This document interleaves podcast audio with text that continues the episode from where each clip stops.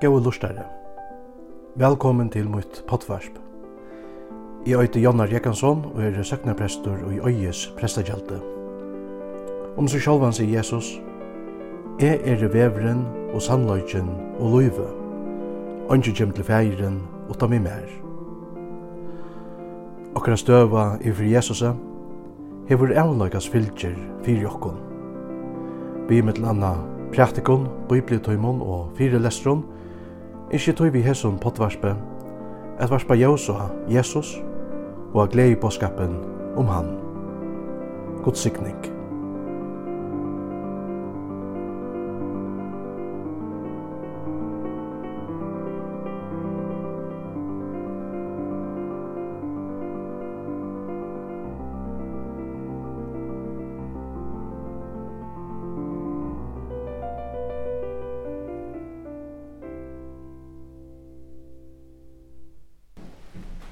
Og i det, skur høsta, minnes vi selja henne sørstoferien Jesus og sammen vi lærersvøgnen.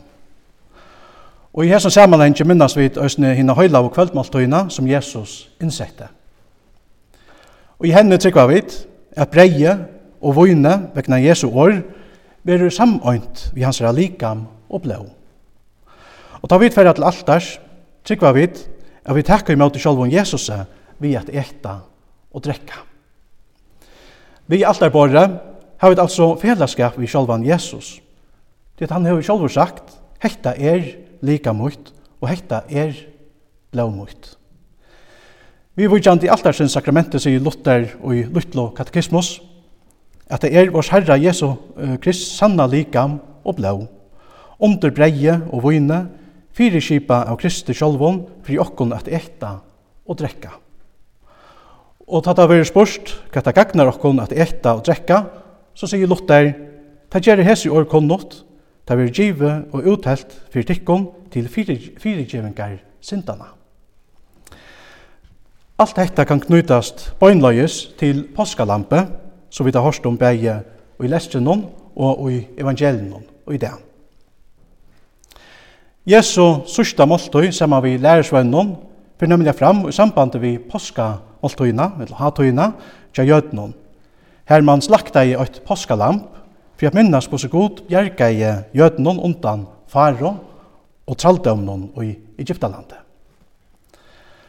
Lyka som påskalampet ta, var offra for at bjerga menneskjon, så er Jesus nu som hitt fullkomna Guds lampe, og sin offraur, for at bjerga tær og mer og ötlun menneskjon. Hette er røysen til, som uh, fer Johannes Døyperen til å sige, de kjente årene om Jesus, Sui Guds lampe. Sui Guds lampe som ber sin tømsens. Og i Gamla Testamentet har God givet okkon flere fire mynter på det som Jesus har gjort for okkon, Jesus sottar gjer. Og påskalampe, som vi har hørt om, er en av de største fire myntene på Jesu gjerning, Jesu frelsesgjerning. Og i dag er det sjåan til Østene opplagt, det sier sinter om Jesus som er sanna påskalampe. Mian Israels folk var i Traldømme og i Egyptalandet, leser vi hvordan god vi Moses straffar hitt egyptiska folket. Israels folk levde under sera høron kåron og i Egyptalandet. Men god heie øyna frelse og atlan. Vi Moses sendte god plavo, og man har plavo, iver Egyptaland. Men faro, han ville ikkje leta folk til færa. At han har nutje plaver, sier god vi Moses, enn øyna plavo ville leta koma iver faro og Egyptaland. Og at han har hana, man han løyva tikkun a færa hiane. Og hver vær så hentan sørsta plavan? Jo, god han har sagt, og mye nått ville genga mitt i jøknon Egyptaland, ta skulle alle frumborer og Egyptalandet tøyna løyve. God sier vi Moses at han og hans folk skulle slakta påskalampe, bønt og ærinda blemist. Heretter skulle de tekka nekka av blånen og smyrja da av boar dorastavner og av doratreie av de husen her de åto lampe. Esen her dævren skulle være postjer herrans, så vi det hørst. God har sagt, blåu skal være til kontekjen av de husen som tid er i, Blåa skal være til kontekjen av de husen her til det roi. Og ta i suttje blåa skal være omtikken, stenda skriva. Av mye nått fall plavan iver Faro og Egyptaland. Og fall iver kvart hus som ikkje hei blåa som sutt tekjen. Men her som blåa sost, her vidja i plavan ikkje. Det var å loppen om Lukka som påskalampe var slakta og blåu tja påskalampen var fredsotekne tekjen fyrir Israels folk, så er det òsne vi vikjante Jesus, hinnom sanna påskalampen Eller som Paulus òsne sier enn stanna, til at òsne påskalamp okkara er dripe, Kristus, sier han. Så han kallar Kristus Jesus fyrir okkara påskalamp. Og hans rablau er fredsotekjen fyrir öll tei som tryggva og han hans er blåur òsni okkara frelsotekjen. Ta god heldur døma det, vera tei som tryggva av Jesus frest vegna hans er blå. Så Jesus han er hitt sanna påskalampe, og hans er blå er hitt sanna frelsotekne. Tog er krossren òsne høvesmerkje og i okkara kristnotrygg, det som Jesus gjørte av krossen hon.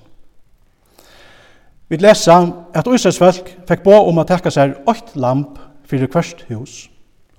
Kvør familja hei bruk fyrir øynon lampe. Og lykka som tei, hei to og jeg bruk fyrir øynon lampe. Vi hava bruk fyrir Guds lampe. Øynon kvør av okkon må takka imot Jesus som synnon herra og frelsara. Det at utan han og hans herra blå er ønsken frelsa. Da stendur at paskalampen skulle være lytalest, utan pletter.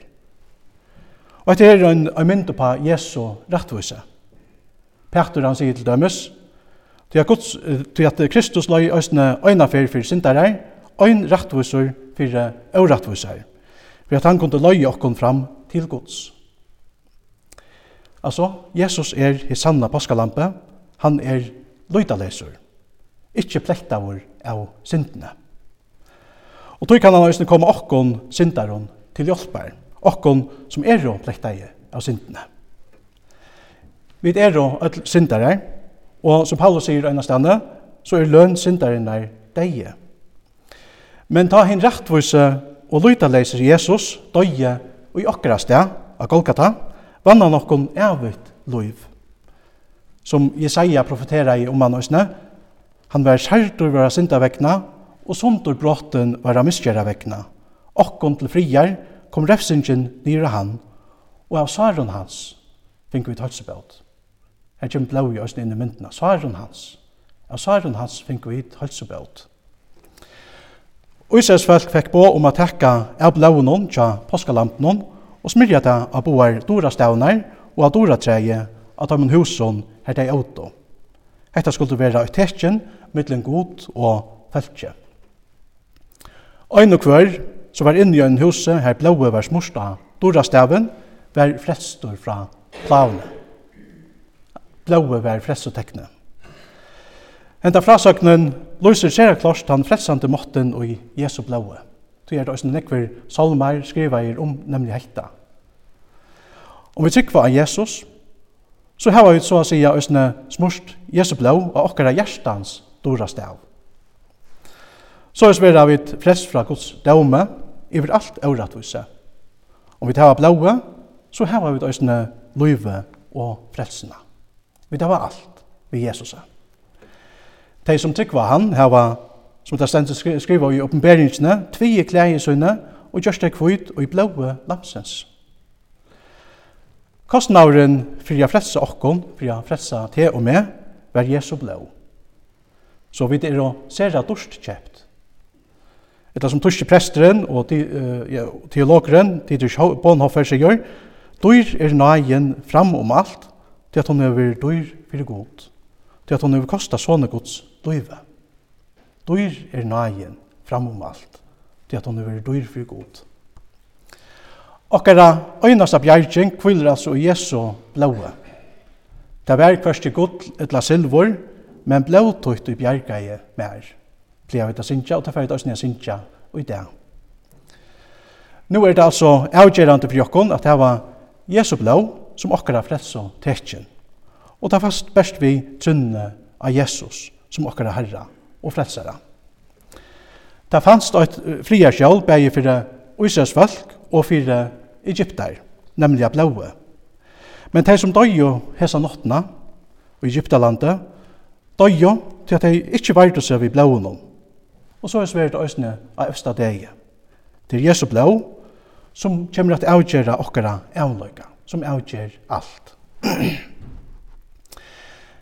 Jesu blå er okkara fria sjål fra Guds døme og fra glætande, og til okkara ektgångumerskje inn i himmelen. Ta i suttje blåa skal det være omtikko, stenda skriva. Og öll teg som løyta seg sjål, atan fyrir lamsens blå, var bjerga, lukka mykje hver ein så vær. Lukka mykje gusse luftsøva så sa ut. Om man heie fredsetekne, så fekk ein òsne nøye og bjergjeng. God hever givi okkon eit fredsetekjen, nemlig Jesu blå. Om vi tar lot i hans blåa, så er det postjer vi okkara løyve. Postjer, det mestjer jo, og det postjer mestjer jo, at færre om Vi trunni av Jesus er vi nu statt i Jesus og støvo, er god fyrir om okkon vi sunn daume. Og vekna Jesu blau, vi kjer han okkon nu vi sunn i enda og nage og sikning. Etter høysen til, så vi uh, takka lotoi, tar vi fyrir til altars, og takka møte Jesu likame og blaue. Ta kan vi samtidig halda postur, kvendt og jokra løyve. Det god til å bjerke okkon vegna blåa som brann av Golgata. Dømeren fyrir om okkon og vitjar ikkje okkara hus. Paulus sier, som ikkje heldur skulle vi ta, nu vi er rettforskjørt vi blå i hans herra, vi er flest vi hånden fra røyene. Etter det som i sanna påskalampe hever vunne okkon. Rettforskjøring, sottargjer, fredso og liv.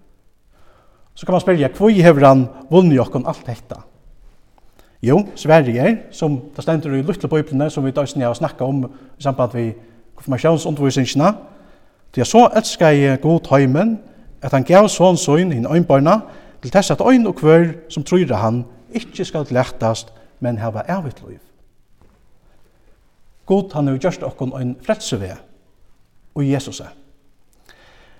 Vi kunne altså ikke fretse okkon sjálve, Alt okkara arbeid for å frelse okkur sjálf, uh, vi egnar meie, er nyttolest. Vi kommer øynas være bjergeie, vi bjergjingsne som god rattar okkon og i sunne nøye. Hesa bjergjeng har et no finnje vi til er god vær menneska. Jesus var fødder inn i hentan heimen for å frelse til og med. Og i sunne ståra kærløyga gjørtes Jesus okkara ombåsmauer. Han tok avbyrdena fyrir allar okkara synder, alt det skøyva som vi tar gjørst i løvnån og hans er sjolva. Vi er gjørt satt vi god, vi tar at Jesus valgte å stilla seg og i okkara sted. Han tok refsringene som vi tatt oppe på året og hans er sjolva. Og tog kom nå til, og jeg nå, og jeg takka hans i årene til okkon. Det stendur kja Jesaja, om synder tikkare er som skarlak, kunne det være kvitar som gjødl. Om der er reier som porspor, kom der være kvitar som åtl. Etta er galdande fyrir te og me. Det Jesus hevur av krossen og kasta allar okra synder og i glemskunar hev. Etla som Salmaskaltet sier, som Estri er fjerlagt fra vestre, så hevur han fyrra misgjervarar fra okkom. Hette er òsne grunden til at vi tøyra Jesus råpa av krossen til fullgjørst. Han er Guds lampe som ber sin tøymsens, Jesus. Han var drypen, og vi ble hos innom, kjøpte han gode menneskjon av øtlån attergrøynon og tungumalon og tjauon og falkasløvon. Øysene til og med. Vi har råpa og i okkara sted, god møyn, god møyn, hvor først du fra meg, bjerga Jesus til og mer fra at høyra god jav vi okkon, for bostor fra mer. Vi har råpa i okkara sted, god moin, god moin, kvi først du fra meg, bjerga i Jesus ter og mer, til at høyra god, sier at hei, valsikna og årene vi okkon, kom i hier. Tid hinne valsikna og tja færi munnen, og fai rujtje til i erv, som tikkun hever lia, fra tog at verølden vær grunta. Nå er vevren innu i himmelen åpen fyrir okkon. Det Jesus, et sanna påskalampe, røpte av krossen, det er fullgjørst. Takk at du barst minna byrje, mer lagt av skom og av skuld, gos lampi er takk der fyrre, er synd mun og i tær, nu er hold. Takk at du tøks minna synder, og skuldabrav utstrika vær, det vær kvarst i gudl etla silvor, men blåtutt og bjerga i mer. Frøyer fra økta og iva, i krossen og stande som er, jeg skal ikkje dodja, men liva, og i avir her heima, tja tær. Lov og takk og atler høyur, vil det her, gode varon, fægir sine og høylaven anda, som alltid hever vere, er og alltid verur, ein sannur, tru øyner god, halovavur fra fyrste opphavet, nu om atler avur. Amen.